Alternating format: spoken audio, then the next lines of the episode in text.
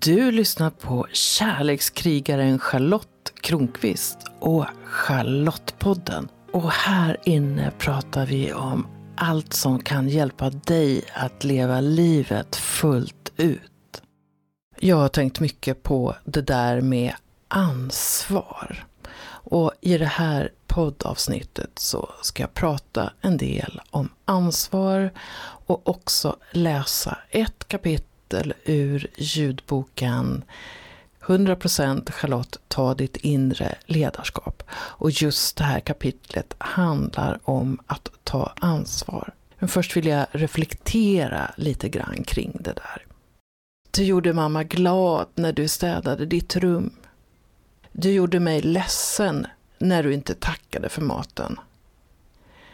Det där är en typ av budskap som du förmodligen är matad med. Och det budskapet är att du kan göra känslor i andra. Det säger att du är ansvarig för hur andra känner.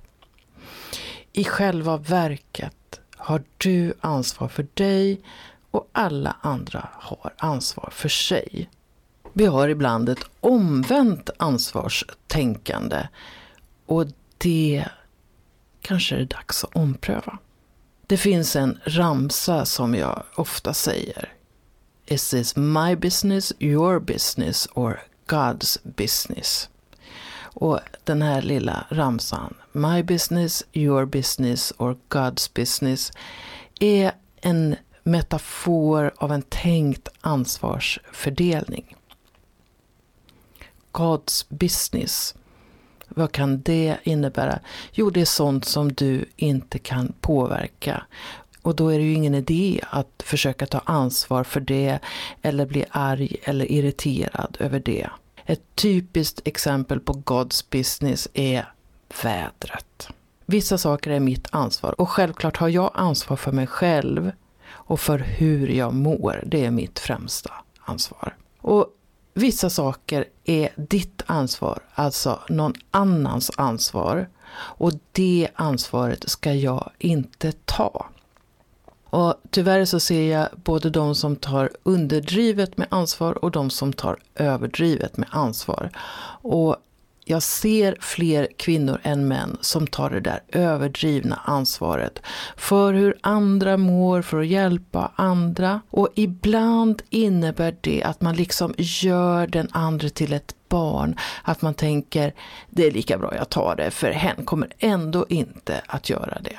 Det här med att släppa ansvar kan vara hur svårt som helst. Jag har själv burit ton på mina axlar. Tänk dig att du lever med en person som inte kan eller vill betala sina räkningar.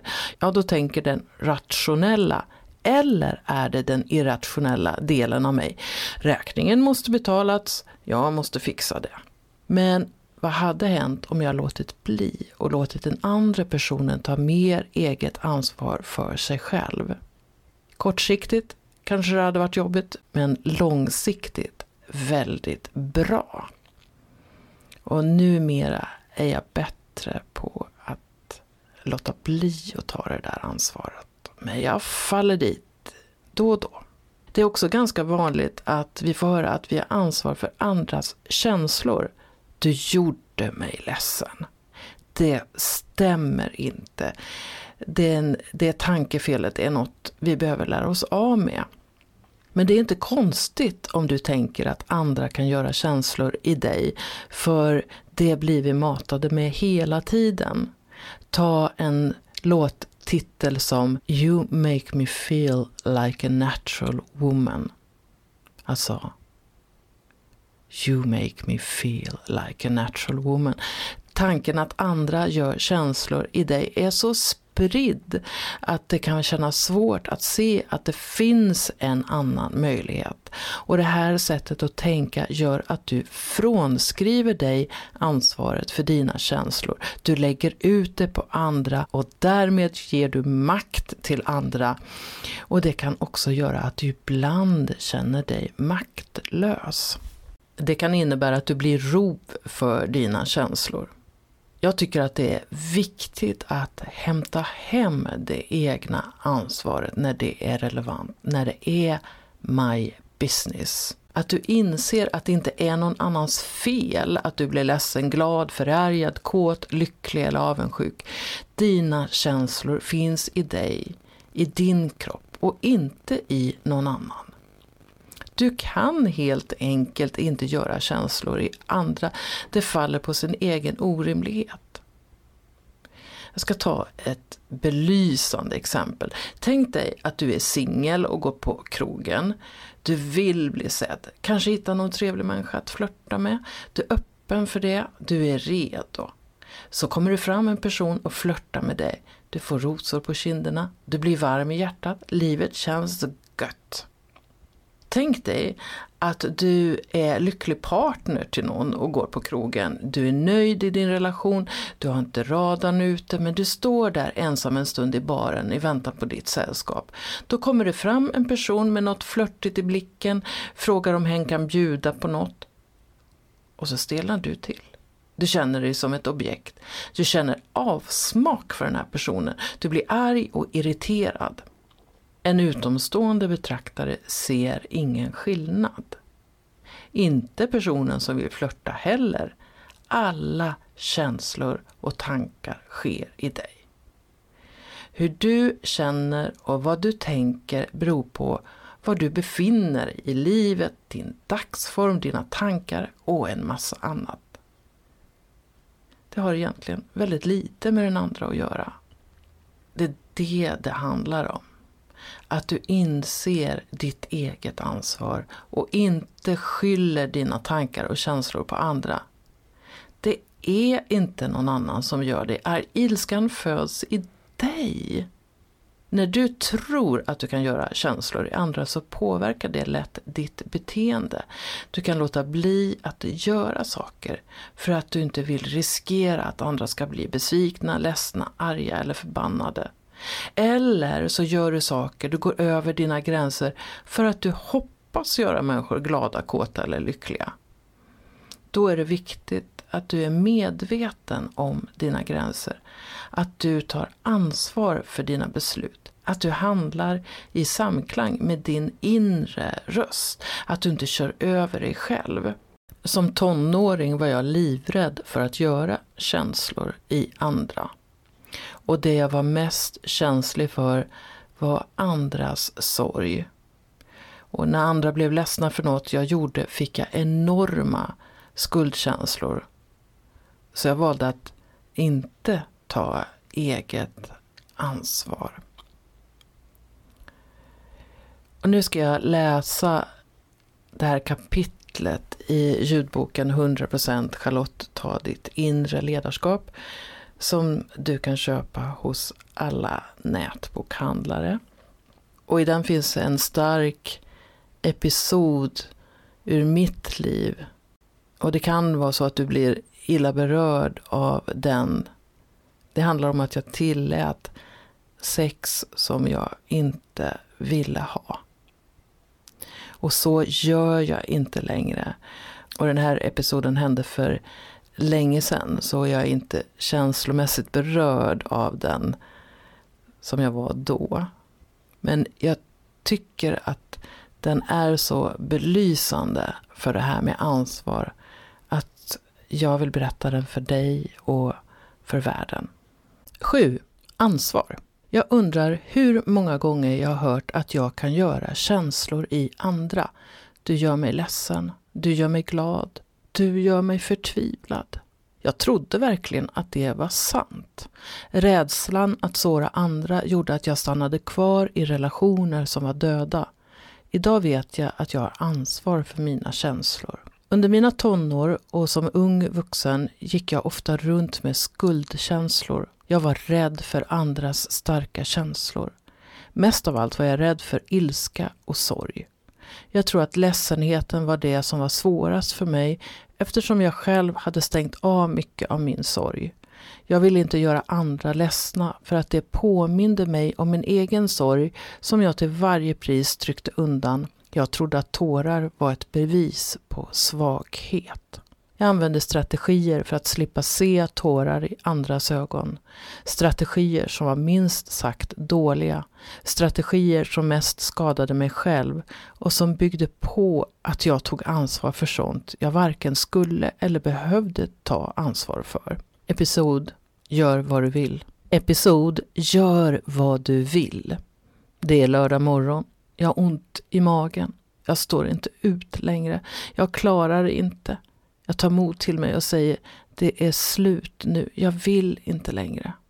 Han tittar på mig. Hans ögon är fuktiga. Han säger jag tar livet av mig om du går. Du får göra vad du vill bara vi fortfarande är ihop. Jag vill inte ansvara för ett självmord. Min hjärna säger att det är ett beslut han i så fall skulle fatta själv. Mitt hjärta pumpar skuldkänslor. Vi pratar fram och tillbaka och till slut säger jag att okej, okay, vi fortsätter ett tag till. Det är söndag och jag ska snart åka tillbaka till staden där jag bor. Jag inser att den här stunden kräver försoningssex. Jag måste ha sex med honom, som för att bevisa att visst är vi ett tag till. Han vet att jag inte vill, men ändå genomför han det flera söndagar än denna. Jag ligger på rygg i sängen. Jag läser en bok. Han lägger sig på mig. Han knullar mig. Jag ligger stilla och fortsätter läsa boken. Jag föraktar honom. Kanske han gråter lite. Jag kommenterar det inte. Jag står ut. Jag fattar inte varför jag gör det här. Men jag vill ju inte att han ska ta livet av sig. Måndag, tisdag eller någon annan dag i min stad. Jag hittar en man att ligga med. Jag är lite kåt på honom. Jag knullar. Jag läser inte en bok.